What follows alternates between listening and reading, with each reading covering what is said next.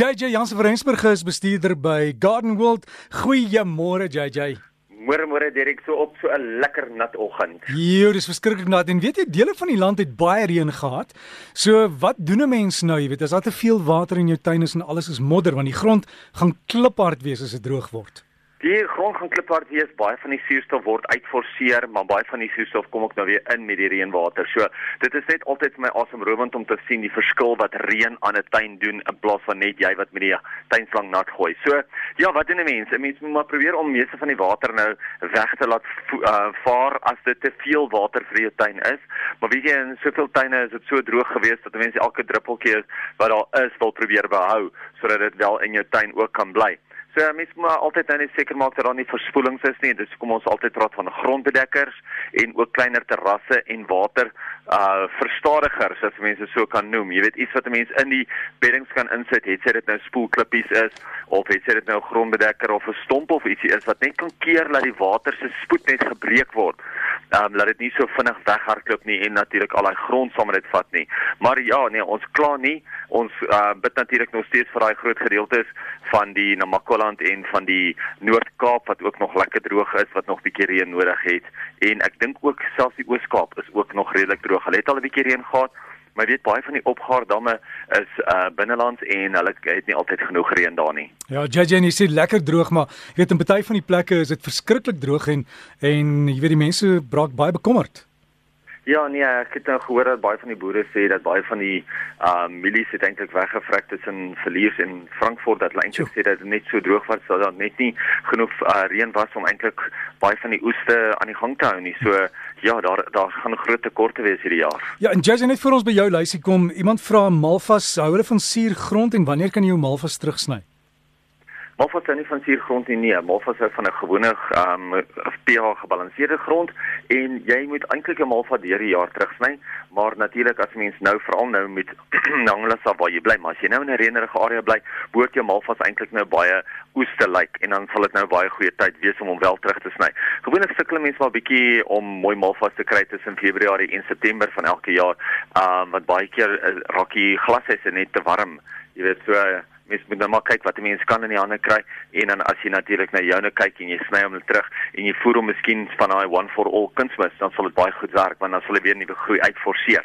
Maar doen dit sommer nou eerder eerder te vroeg as te laat. En gaan ek nartjies kry van my pitboom?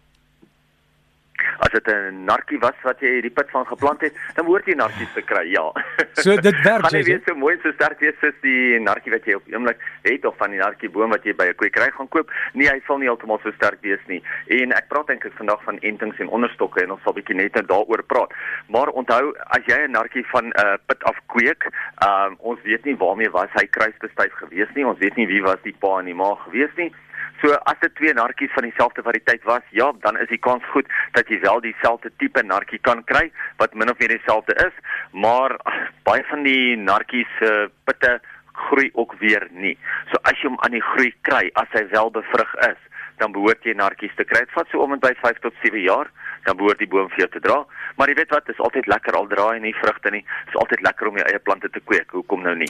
En JJ, dan wanneer dit kom by palms, iemand vra jou sago palm, wat kan jy hom kos gee en seker jou botias ook, jou botia capitata, jou Chrysalidiocarpus lutensis. Dis die regte name net JJ?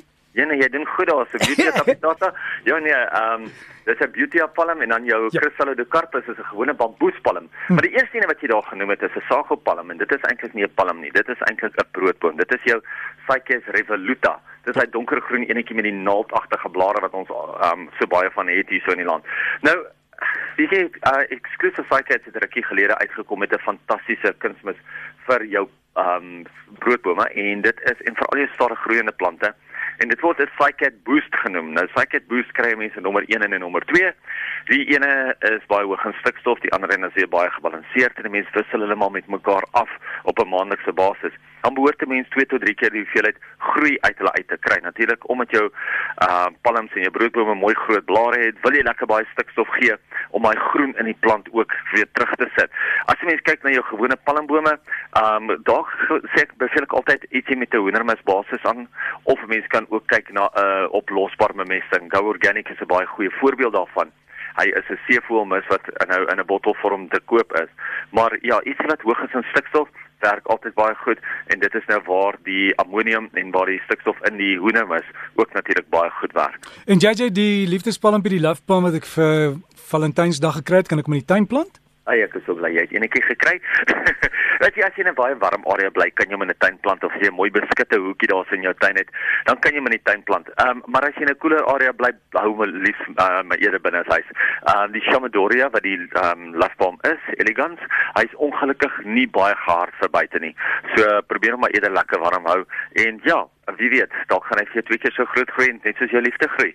En JJ, jy het gepraat van entings onderstokke? Ja nee, kyk, dit is nou eintlik 'n baie goeie tyd om jou entings te doen.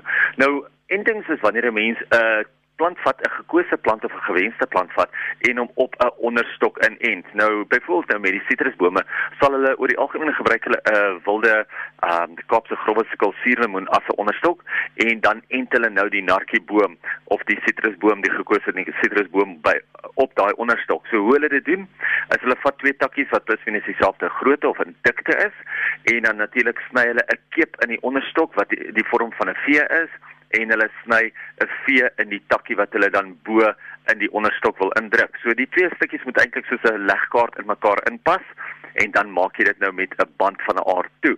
Baie mense gebruik 'n verband daarso. Mense kry natuurlik wat hulle noem 'n budding and grafting tape en dit is 'n kleefband wat 'n mens gewoonlik gebruik om dan die entings um, vas te maak. So forceer mense of so verseker mense dan eintlik dat die die booggroei op die gekose plant met die onderstok eintlik baie goed heg. Nou ongelukkig ja, kry mense dit dat baie onderstokke nog steeds baie sterk uitgroei en dit is dan wanneer die mense nou moet deurgaan, daai onderstokke die hele tyd moet uitbreek, so enige nuwe groei wat op die onderstok is, op die onderste gedeelte van die plant is, moet die mense dan afbreek sodat die al die energie geforseer word, al die sappe geforseer word in die nuwe groei in. Nou, uh entings vat gewoonlik so 6 maande voordat die enting mooi geheg is aan die onderstok, so mense moet maar altyd ook geduldig wees. As mens kyk na 'n uh, baie meeste van jou vrugtebome word geënt. As mens kyk na jou hoogstam rose, jou standaarde, hulle word geënt. Baie van jou standaardplante, baie van jou hoogstamme word geënt. So, hoekom doen hulle die enting? Want die onderstok is baie sterker hy hou baie langer, die wortels gaan baie dieper, hy's baie meer waterwys, hy hy hy groei baie dieper in die grond in, so hy maak seker dat jou plant eintlik baie minder moeite nodig het. Baie van jou plante het nie eintlik 'n sterk wortelstelsel nie, soos byvoorbeeld die narkie wat jy nou van gepraat het. Hy sal nie heeltemal so groot groei en so sterk groei soos wat 'n narkie sou gegroei het as hy wel geënt was nie.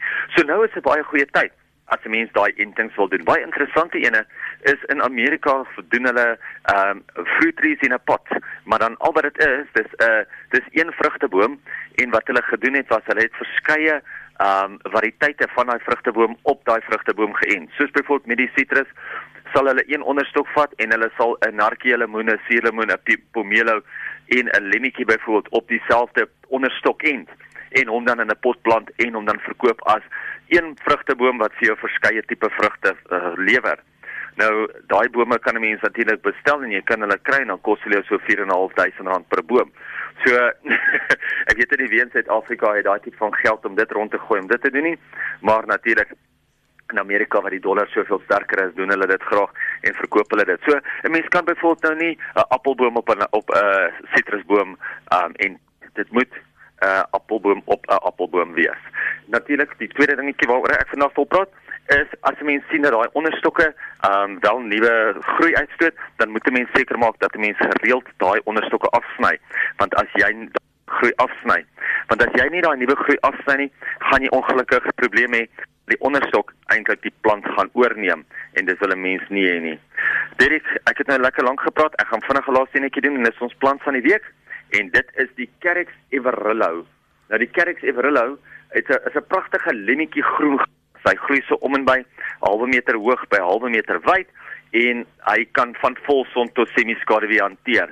Baie gehard, baie waterwys, maar natuurlik met daai lennetjie groen kleur gee hy vir jou 'n pragtige kleur in die tuin. Fantasties vir aanplantings. So vir die van julle wat ietsie nuuts in die tuin wil probeer, gaan kyk bietjie uit vir 'n gras, ornamentele gras, Carex Everillo. Also JJ en ook jy weet jy het nou gepraat oor die palmbome. Ehm um, ek het terloops jou video, ek het die video greep op die Breakfast Facebook bladsy geplaas. Mense kan gaan kyk hoe lyk die plant en hulle kan ook vir jou sien daar word dit verduidelik. Jy moet eendag vir ons verduidelik watter palmbome en vertel watter is beskikbaar in Suid-Afrika want ek het gou hier name neergeskryf. Jy het gepraat van die Camadoria, die Love Palm, jy kry die Spindle Palm, New Dipsus, Kentia, Woodietia, Seafothia, jy kry Alexandra Palm, die Phoenix canariensis. Wat is die ander ene Reclinata, né? Die Reclinata is die inheemse daai kom in, in Suider-Afrika voor Zuid, nie in Suid-Afrika nie. Maar ja, jy's reg, dit is die bospalm en mense kry hom natuurlik baie in die noordelike gedeelte van die land, meer na Limpopo en ook in Zimbabwe in. Ja, en die Ilala palm is dit 'n inheemse palm? Lollapalm is 'n inheemse palm en hy's 'n palm wat net in die Kreer Wildtuin gedeelte in, in Mosambiek en so aan voorkom, maar is eintlik 'n ongelooflike palm want al is die palm self net omtrent 'n meter hoog, is sy wortels self omtrent 10 meter diep. Jy weet, so dis is hoekom dit gewoonlik nie 'n palm is wat 'n mens by kwekerye kan koop nie, omdat hy so 'n verskriklike wortelstelsel het, maar hy lyk op die oog af maar net soos jou gewone baie palm, soos 'n Washingtonia, as mense so kan noem. Maar as jy mens deur hy deur die Wildtuin en jy sien hierdie enorme palms wat daar uitsteek wat lyk soos groot baie palms en veral ook daar in Mosambiek Mosambiek, dan weet, dan dan kan jy sommer weet dit is die lalapalm. Ja, en die en die vis visstert een is dit die karyouta, wat noem hulle hom? Dis die fishtailpalm. Jy weet jou fishtailpalm en jou foxtailpalm, die Woodietia is baie dieselfde, baie naby aan mekaar, maar hulle is baie tropies. So mense sal hom nie sommer in die binneland kry nie. Jy sal hom meer aan die kusgebiede kry, um baie in die, in die laafveld en so. Natuurlik pragtige palms om te hê. Weet jy, um 'n paar jaar gelede was daar so van die palmkwekery wat regtig baie um nuwe tipe palms uitgebring het en baie palms promoveer het, maar met die laaste 10 jaar of so se watertekorte wat ons oor die land gehad het, het baie van die tropiese plante eintlik maar op sy moes staan, jy weet teruggestaan en wat hulle net nie so goed verkoop het nie want mense het nie net nie meer watergate om hulle nat te maak nie. As hy JJ ons op 'n volgende geleentheid meer oor die palmbome gesels. Alles van die beste en lekker tuin maak. Ek sê vir jou dankie en geniet daai lekker nat dag wat ons vandag hier het. JJ se e-pos is jy by gardenworld.co.za. Hy is bestuurder by Gardenworld aan die weste kant van Johannesburg.